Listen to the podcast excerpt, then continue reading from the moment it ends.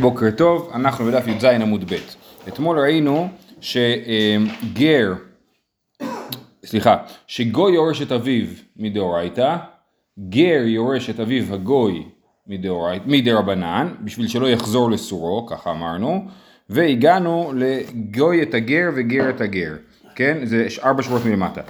גוי את הגר, זאת אומרת גוי יורש גר, זאת אומרת אם, אם אדם מתגייר ויש לו בן והבן לא יתגייר אז הגוי לא יורש אותו וגר את הגר אם אבא ובן שניהם יתגיירו הם גם הוא לא יורש אותו אינו לא מדברי תורה ולא מדברי סופרים זאת אומרת, זאת אומרת הוא לא יורש אותו לא מדאורייתא ולא מדרבנן אה, זאת אומרת אם גר מת אז לבן הגר שלו אין עדיפות על כל אחד אחר מבחינת הנכסים מי שרוצה את הנכסים צריך לתפוס אותם ראשון אה, דתנן. הוא יכול לתפוס. הוא יכול, יכול, כן.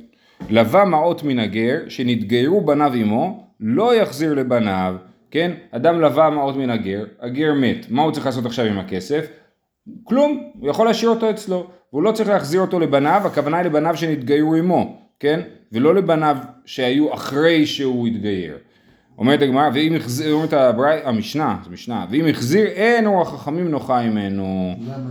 אז זהו, אז כאן רש"י, טוב זה לא משנה, זה ברייתא, אה, בכל אופן, אה, אה, רש"י מסביר שזה לא שחכמים אומרים אתה לא בסדר, אלא הם לא אומרים לו, אלא הם אומרים תשמע, תעשה מה שאתה רוצה כאילו, אבל אין לנו שום עניין שתעשה את זה. זאת אומרת, אין, אין רוח חכמים נוחה ממנו, זה ככה צריך לה, להגיד את זה, כן? הייתי, הייתי יכול לחשוב שאם הוא עושה את זה, אומרים לך יישר כוח, אומרים לך לא, תעשה, אין, לי שום בעיה, אתה יכול גם ללכת, לא יודע מה. כאילו, הרבה דברים אפשר לעשות, אין רוח חכמים נוחה ממנו.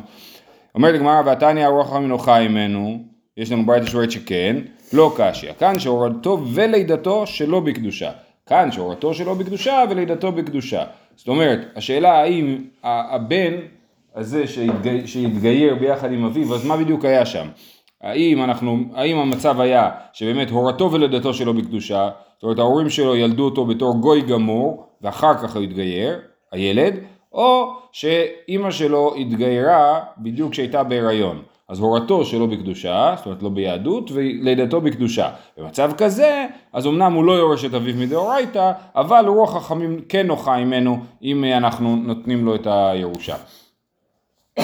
אוקיי, עכשיו אתמול ראינו מאיפה אה, למדנו שגוי יורש את אביו מהתורה, כי היה כתוב וחישב עם קונהו, אמרנו, אני, אני אקרא את זה שנייה במה שראינו אתמול, אה, שגוי, אה, לא, סליחה, יהודי שעובד אצל גוי, שעבד של גוי, אז הוא לא עבד של הבן שלו. למה? כי כתוב וחישב עם קונהו ולא עם יורשי קונהו, כן? ככה אנחנו לומדים. אז משם למדנו, אז משם אמרנו, אה, בעניין הזה הוא לא יורש אותו, הבן, הבן של הגוי לא יורש את העבד העברי, אבל הוא כן יורש את כל השאר, כי אחרת לא היינו צריכים בכלל להגיד שהוא לא יורש את העבד העברי, כן? אז זה מה שאמרנו, וחישב עם קונהו ולא עם יורשר קונהו. אבל פה יש דרשה אחרת, רב חייא ברבין אמר ביוחנן, גוי יורש את אביו דבר תורה, דכתיב כי ירושה לעשו נתתי את הר שעיר, הנה ירושה לעשו, ואז עשו, הוא ובניו ובני בניו ירשו את הר שעיר. אז כן יש ירושה לגויים מהפסוק. אומרת הגמרא, ודילמה ישראל מומר שאני עשו הוא לא בדיוק גוי, הוא סוג של ישראל מומר, שזה מעניין שמתייחסים אליו כישראל מומר, כי במקומות אחרים מתייחסים אליהם, אליהם כגויים. אז, אז הוא אומר, אולי גוי אמנם כן יורש את אביו, אבל סליחה, גוי לא יורש את אביו, אבל ישראל מומר כן יורש את אביו. אז אומרים, טוב, יש לנו עוד הוכחה, אלא מאחה, כי לבני לוט נתתי את הר ירושה. בני לוט הם בוודאי לא ישראל מומר, כן, הם לא היו יהודים מעולם, ולכן הנה יש פה הוכחה שיש ירושה לגויים. ורב חייא ברבינו הייתה מה לומר כרבה, למה רב חייא ברבין לא למד כמו רבה, למה הוא צריך פסוק אחר?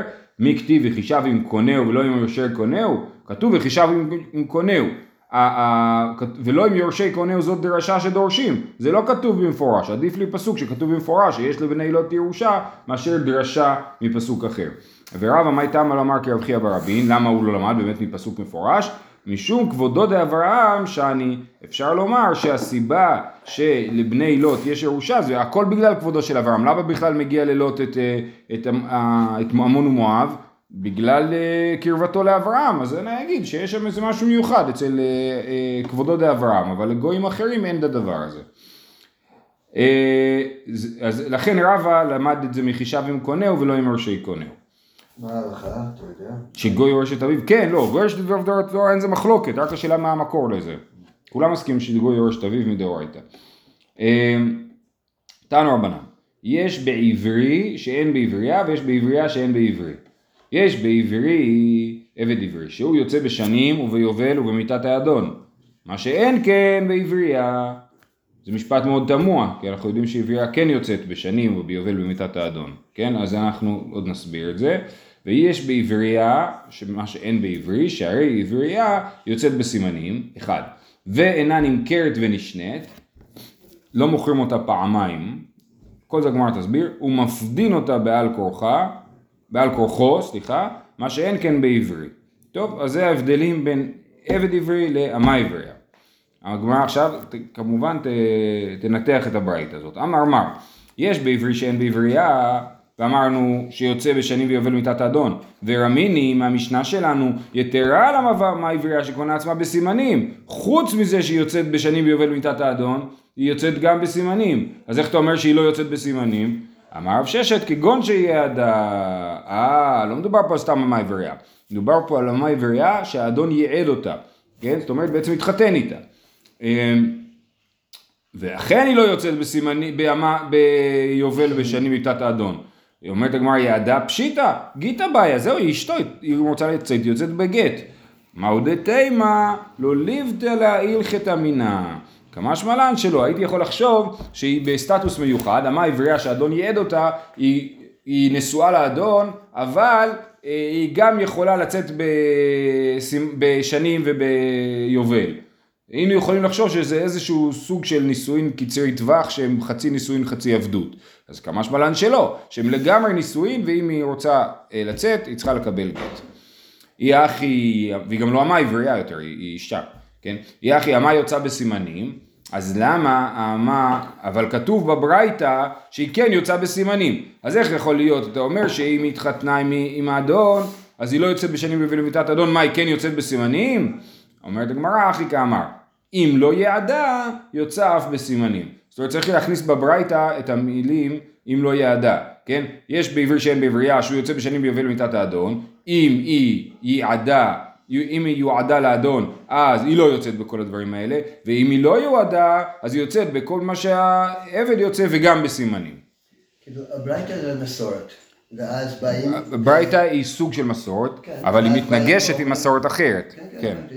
ואז באים ואומרים מהיגיון שזה לא יכול להיות שזה הכוונה.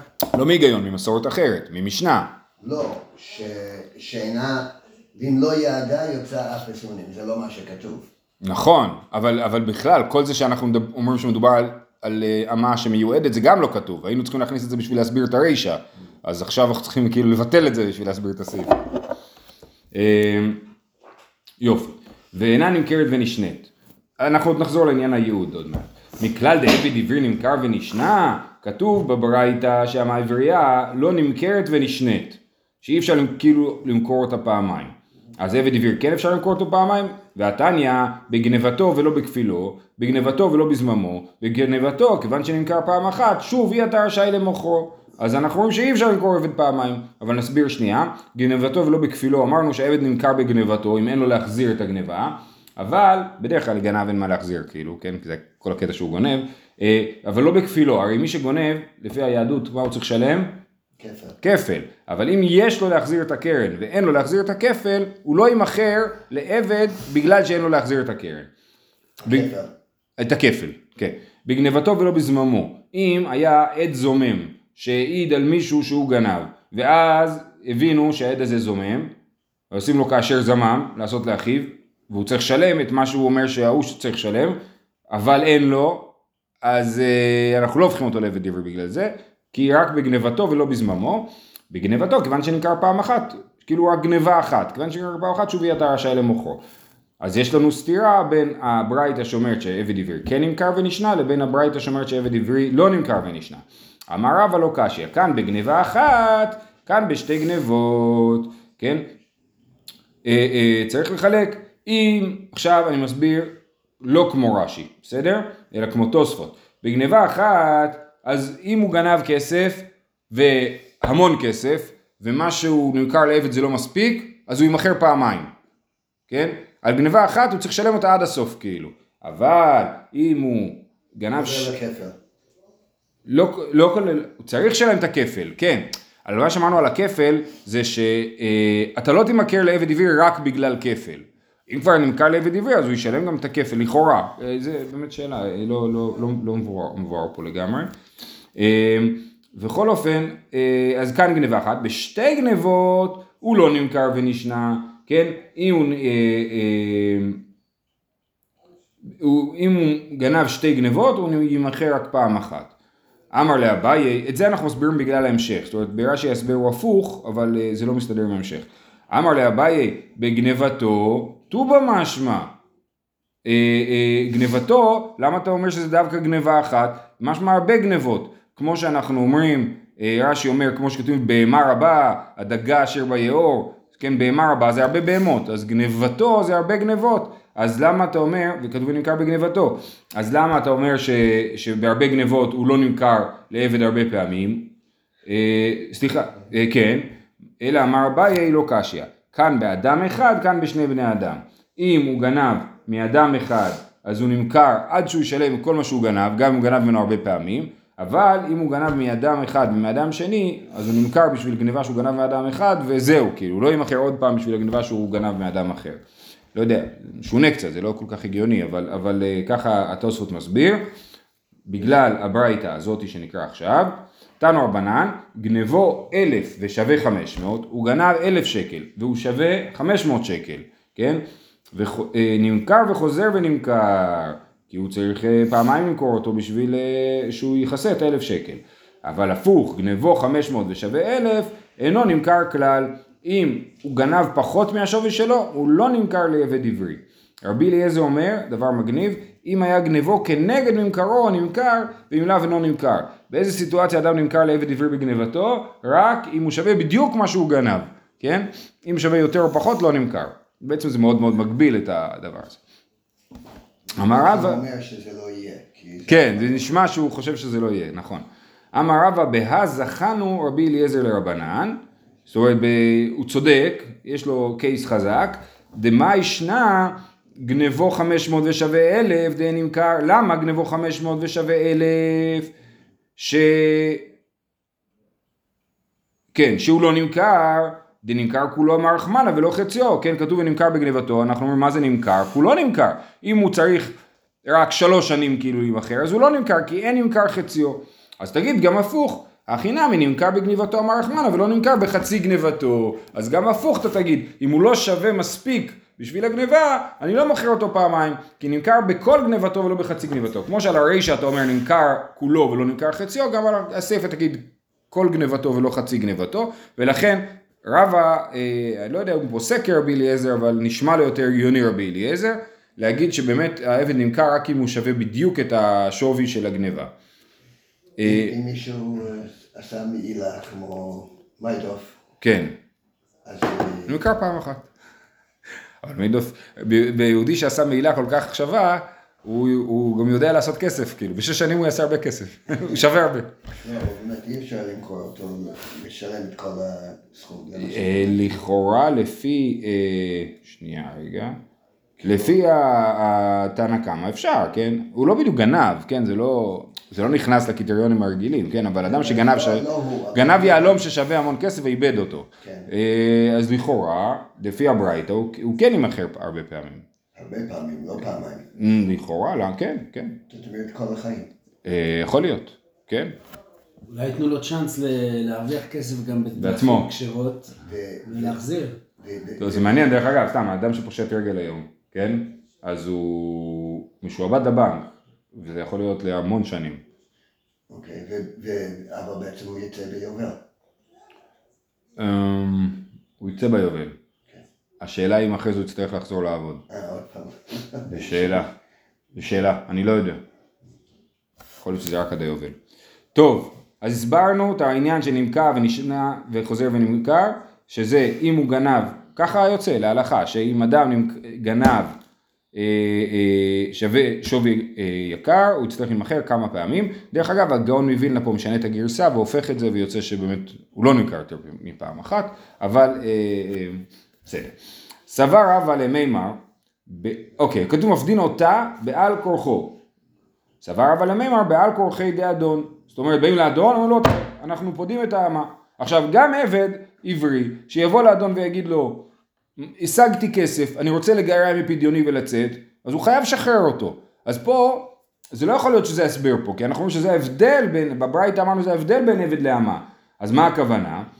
אה, בעל כורחו דאדון, אם אין לה מה לשלם, היא אומרת לו, תקשיב, תשחרר אותי, אני חייבת לך עוד 400 שקל, אני אכתוב לך שטר חוב על 400 שקל ואני אחזיר לך.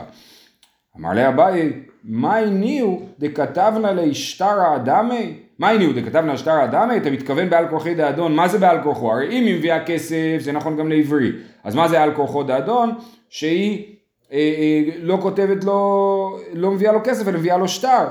עמי נקית מרגניתא בידי יאבין עלי חספא, הוא מחזיק מרגלית וניתן לו חרס במקום מרגלית, איז, באיזה זכות אנחנו יכולים להגיד לאדון את האמה שיש לך תשחרר ויום אחד אה, יחזירו לך את הכסף. אי אפשר להגיד דבר כזה. אלא אמר אביי בעל כורחי דאב משום פגם משפחה. מה זה מפדין אותו בעל כורחו? בעל כורחו של האבא. כי זה פוגם במשפחה שיש לנו אמה עברייה במשפחה. ולכן אם. אם לאבא יש כסף, אנחנו נכריח את האבא, אבא לא יכול להיות עשיר מזה שהבת שלו הופכת להיות אמה עברייה. הוא יכול להגיד, תשמע, אין לי כסף להחזיק אותה, אין לי כסף לכלום, אז לפחות נמכור אותך לאמה עברייה, אז לך יהיה בית ומשפחה, ו... ונצליח לחיות, כן? אבל אם יש לו כסף, מכריחים אותו אה, אה, לפדות את הבת שלו. אה, היום הדבר המקביל זה שמוסרים לאימוץ. מוסרים לאימוץ זה דום... אה, מי שלא יכול. כן, אבל כשאתה מוסר לאימוץ, זה לא בשביל להיות אמה או עבד, לא, לא, זה לא. בשביל לגדל כאילו, נכון?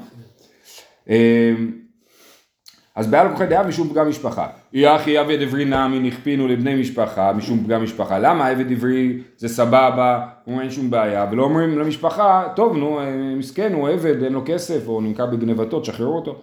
תשובה, בגלל שהדר אזיל מזה בנפשי. החנמי, הדר אזיל, נקודה, כן, אה, אה, כן, העבד העברי, אז יהיה לו תרגיל, הוא ישחרר, ישחררו אותו, ימכור את עצמו שוב, ישחררו אותו, ימכור את עצמו שוב. אומרת גם- באמה עברייה, למה אתה לא חושש לזה? הכי נמי, האבא, מכריחים אותו לפדות, והוא ימכור שוב, הדר אזיל ומזבין לה. הקטני אינה נמכרת ונשנית, זה בדיוק מה שאמרנו שהאמה עברייה אינה נמכרת ונשנית. לכן, אם האבא יכול לשחרר, מכריחים אותו לשחרר, ואנחנו לא אומרים, הוא ישחרר אותה וימכור אותה שוב, בגלל שהוא לא יכול, אסור לו לעשות את זה. ובעבד עברי אנחנו לא משחררים אותו, כי הוא ישחרר את עצמו, כי הוא ימכור את עצמו שוב.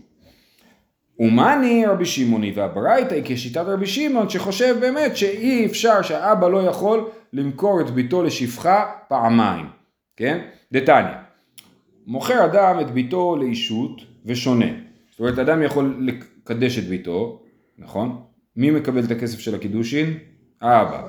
ואז היא חיה עם מישהו שנה שנתיים, מתגרשים, אבא יכול לחתן אותה מחדש. זה הכוונה מוכר אדם את ביתו לאישות ושונה. לשפחות ושונה, כן? ימה עברייה, שש שנים מכרת בגיל ארבע, משתחררת בגיל עשר, והוא שוב פעם אה, מוכר אותה עד גיל 12. לאישות, אחר שפחות גם כן. זאת אומרת, אם הייתה שמה עברייה, השתחררה בגיל 10, עכשיו הוא יכול לחתן אותה. אבל לא לשפחות אחר אישות. זה אי אפשר. אה, אחרי שהוא חיתן אותה, הוא לא יכול למכור אותה לשפחה, אם היא התגרשה. אה, רבי שמעון אומר עכשיו, מה זאת אומרת לאישות? הרי היא לא יכולה. היא קטנה. למה? אה, היא יכולה להיות נשואה למרות היא יכולה להיות נשואה, כן. האבא מחתן אותה. אבא יכול לחתן את ביתו מגיל שלוש. זה אני מבין, אבל... מבחינת ביאה, אז... כן, אז אה, כאילו, אני לא הייתי אומר לאישות, הייתי אומר לזה שהיא... לא, א', אנחנו לא. תופס, הגמרא לא תופסת את זה כדבר בלתי אפשרי אה, לבעול לפני גיל 12 לבריאות. אה, זה כן דבר אפשרי, אבל אתה צודק. עכשיו, אם באמת, צריך להבהיר פה, אם האבא, אם היא התחתנה לגמרי, אז ברגע שהיא מתגרשת אין לה יותר להביא רשות עליה. אבל מדובר פה שהייתה מאורסת ואז התגרשה, אז הוא מכר, הוא קיבל את הכסף קידושין, היא הייתה מאורסת, אז בעלה גירש אותה, החליט שלא מתאים לו, אז הוא, על זה נאמר שהוא יכול למכור אותה לאישות אחר אישות, כן? זה רק קידושין. טוב, עכשיו אומרת הגמרא, רבי שמעון אומר, הברייתא, כשם שאין אדם מוכר את ביתו לשפחות אחר אישות, כך אין מוכר את ביתו לשפחות אחר שפחות. רבי שמעון חולק על תנא קמא ואומר, גם לא שפחה פעמיים. ואז זה בדיוק כמו שאמרנו מקודם בברייתא השנייה שאי אפשר למכור אותה לשפחה פעמיים שזאת שיטת רבי שמעון. זאת אומרת לתנא קמא יש אישות אחר אישות יש שפחות אחר שפחות יש אישות אחר שפחות ורק אין שפחות אחר אישות ולרבי שמעון אין שפחות אחר שפחות. אה, ובפלוגתא דני תנאי דתניא בבגדו בא כתוב בפסוק אם ראה בעיני אדוני אשר לא ידע ויפדה, לעם נוכרי לא ימשול למוכרה בבגדו בה. עכשיו התנאים מבינים את זה על האבא. האבא לא יכול למכור את ביתו. לעם נוכרי לא ימשול למוכרה בבגדו בה. שזה נקרא בגידה. אז זהו, עכשיו זה המחלוקת תנאים.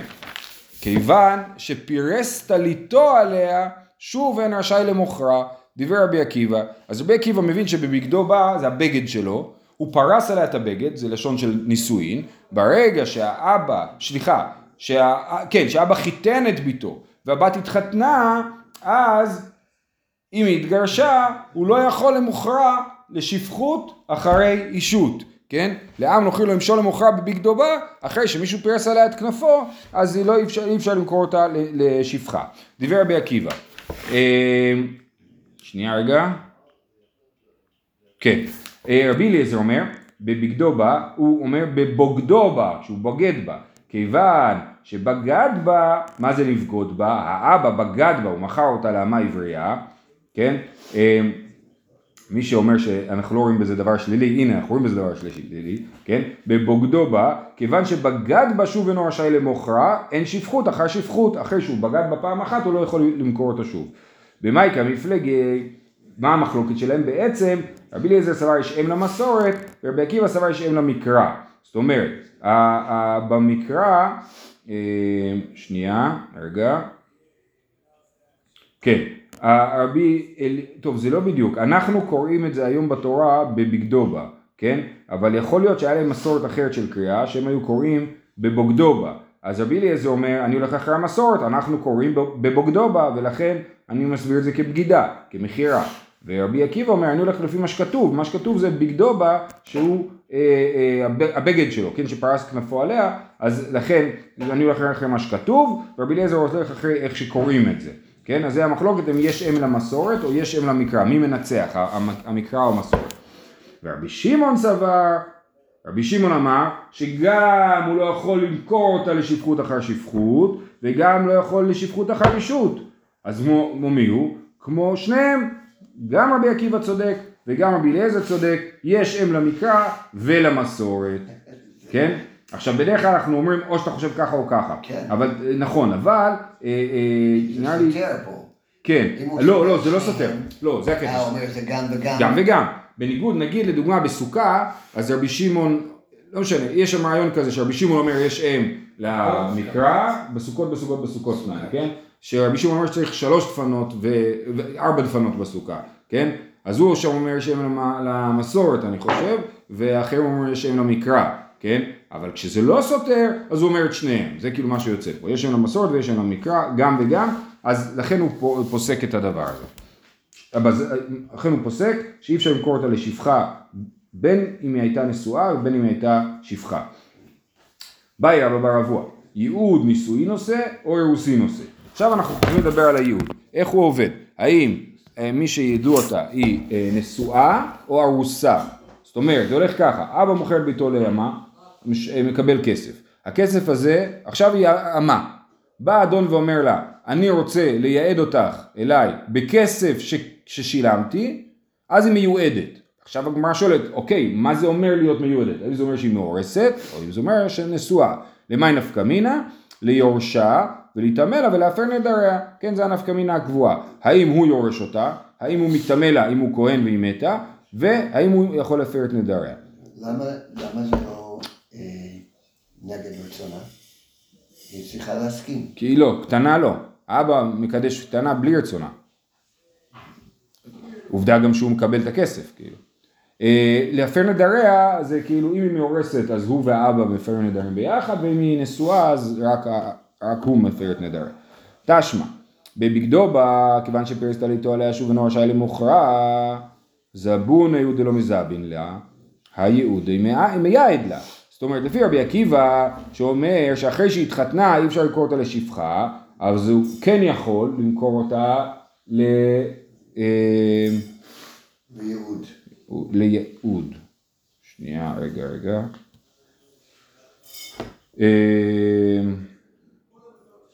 אה, אם מת הבעל הראשון דפורים. שנייה. אז היא הייתה נשואה, נכון? אה, והוא, והוא יכול לייעד אותה. והבעל מת, והאדון מת, כן, אז הוא אומר שהוא יכול לייעד אותה למישהו חדש. נכון. והיא אמרת נישואין עושה, אה, אה, יפה, אוקיי. אם אמרת נישואין עושה, אם אנחנו אומרים שהייעוד הראשון היה אה, נישואין, כיוון שנישאת, שוב אין להעביר הרשות בה. יש לנו כלל, וזה הכלל שצריך לזכור אותו. כיוון שנישאת, שוב אין להעביר רשות בה. בדיוק. כל מה שדיברנו עד עכשיו זה רק אם היא הגיעה לסטטוס של מאורסת. אם היא הגיעה לסטטוס של נשואה, נגמר. האבא יותר לא מפר את נדריה ולא יכול לחתן אותה ולא כלום. אמ, אז, אז לכן, מה שפירסת איתו עליה, הכוונה היא שהייתה מאורסת. איך היא הייתה מאורסת? בייעוד. משמע שייעוד עושה אירוסין ולא עושה נישואין. הנה הוכחה, עוד פעם. יהודה, אה, אה, זיבון ידו למזבין לה, היהודה מייעד לה, והיא אמרת ניסיון עושה, כיוון שנישאת שוב אין להביא הרשות בה, אלא לאו שמע מינה אירוסין עושה. אמר רב נחמן בר יצחק זה לא הוכחה, אחא בקידושין בעלמא קאי.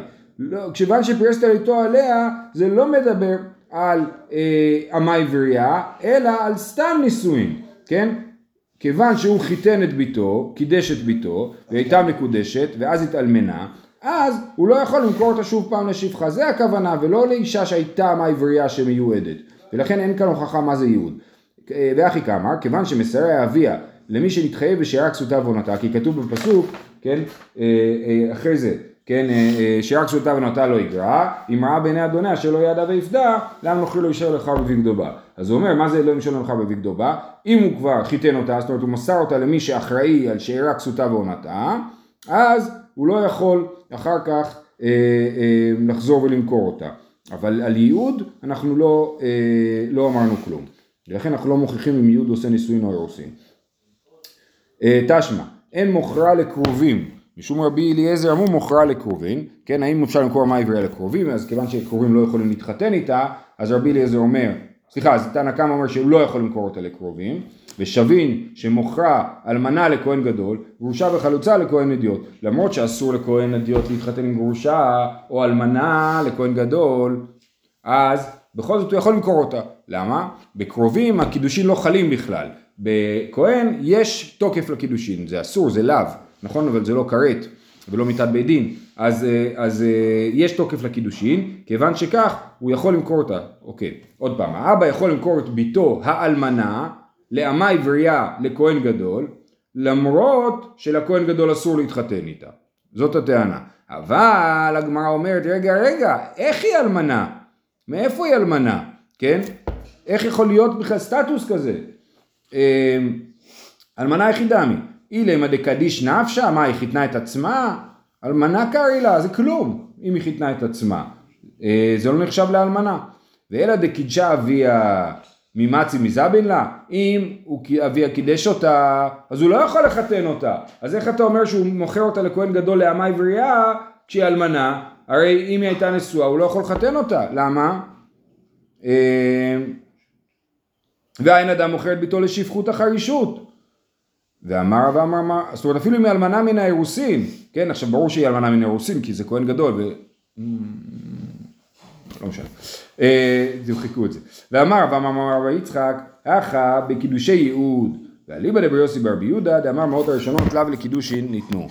אה, אוקיי, אז ככה, אנחנו מעמידים את הסיטואציה שהוא מוכר את ביתו לאמה עברייה, את ביתו האלמנה לאמה עברייה לכהן גדול, ככה, היה לו בת, הבת שלו, הוא מכר אותה לאמה עברייה, האדון ייעד אותה ומת. ואליבא דרבי עכשיו, האבא לא יכול למכור את ביתו לאישות אחר אישות, כן? לש, סליחה, לשפחות אחר אישות. אז צריכים להעמיד את זה כשיטת רבי יוסי ברבי יהודה. רבי יוסי ברבי יהודה אומר ככה, המעות הראשונות לאו לקידושין ניתנו. אה, אנחנו הסברנו שאיך הייעוד עובד, אני אומר הכסף שנתתי לאבא שלך פעם הוא הכסף, נכון? אבל רבי יוסי ברבי יהודה אומר לא זה עובד אחרת, הכסף לא קשור, זה השכר העבודה שלו. השכר עבודה, אתה, האמה שלי עכשיו, עכשיו אני מתחתן איתך, הקידוש, אני אומרת, מקודשת לי בעבודה שאת לא תעבדי אותי כאילו, משהו כזה פחות או יותר, כן? אז הוא אומר, מה, אז ולכן בעצם היא מתקדשת, לא האבא מקדש אותה, כי האבא לא מקבל כלום, כאילו הכסף שהוא קיבל בכלל לא היה לנישואין, הוא היה על המה העברייה, כן? ולכן זה נחשב שהיא מתקדשת, כיוון שזה נחשב שהיא מתקדשת, אז לאבא מותר אחרי זה, ואז היא התאלמנה, ואז לאבא מותר למכור אותה לשפחה, כי הוא לא מכר, כי הוא לא חיתן אותה, זה לא שפחות אחר אישות, כן? אה, לכן אה, זה הסיטואציה, אוקיי? אה, שנייה רגע, כן צריך לעצור, ויהי בן יהודה אמר מעות הראשון לדעת הקידושין והיא אמרת נישואין עושה, כיוון שנישאת אין לבוא רשות בה, אלא חייב לומר שהייעוד לא היה נישואין, כי אם הייעוד היה נישואין זה רק סוף ההוכחה, אם הייעוד היה נישואין לא יכול להיות שאבא יכול למכור אותה אחרי זה לאמה עברייה, כי אם הייעוד היה נישואין כיוון שהתחתנה לאביה אין רשות בה, אלא חייבים לומר שהייעוד היה אירוסין ולכן אה, יש לאביה רשות למכור אותה לאמה עברייה, אנחנו נמשיך עם זה מחר, שיהיה לכולם יום טוב.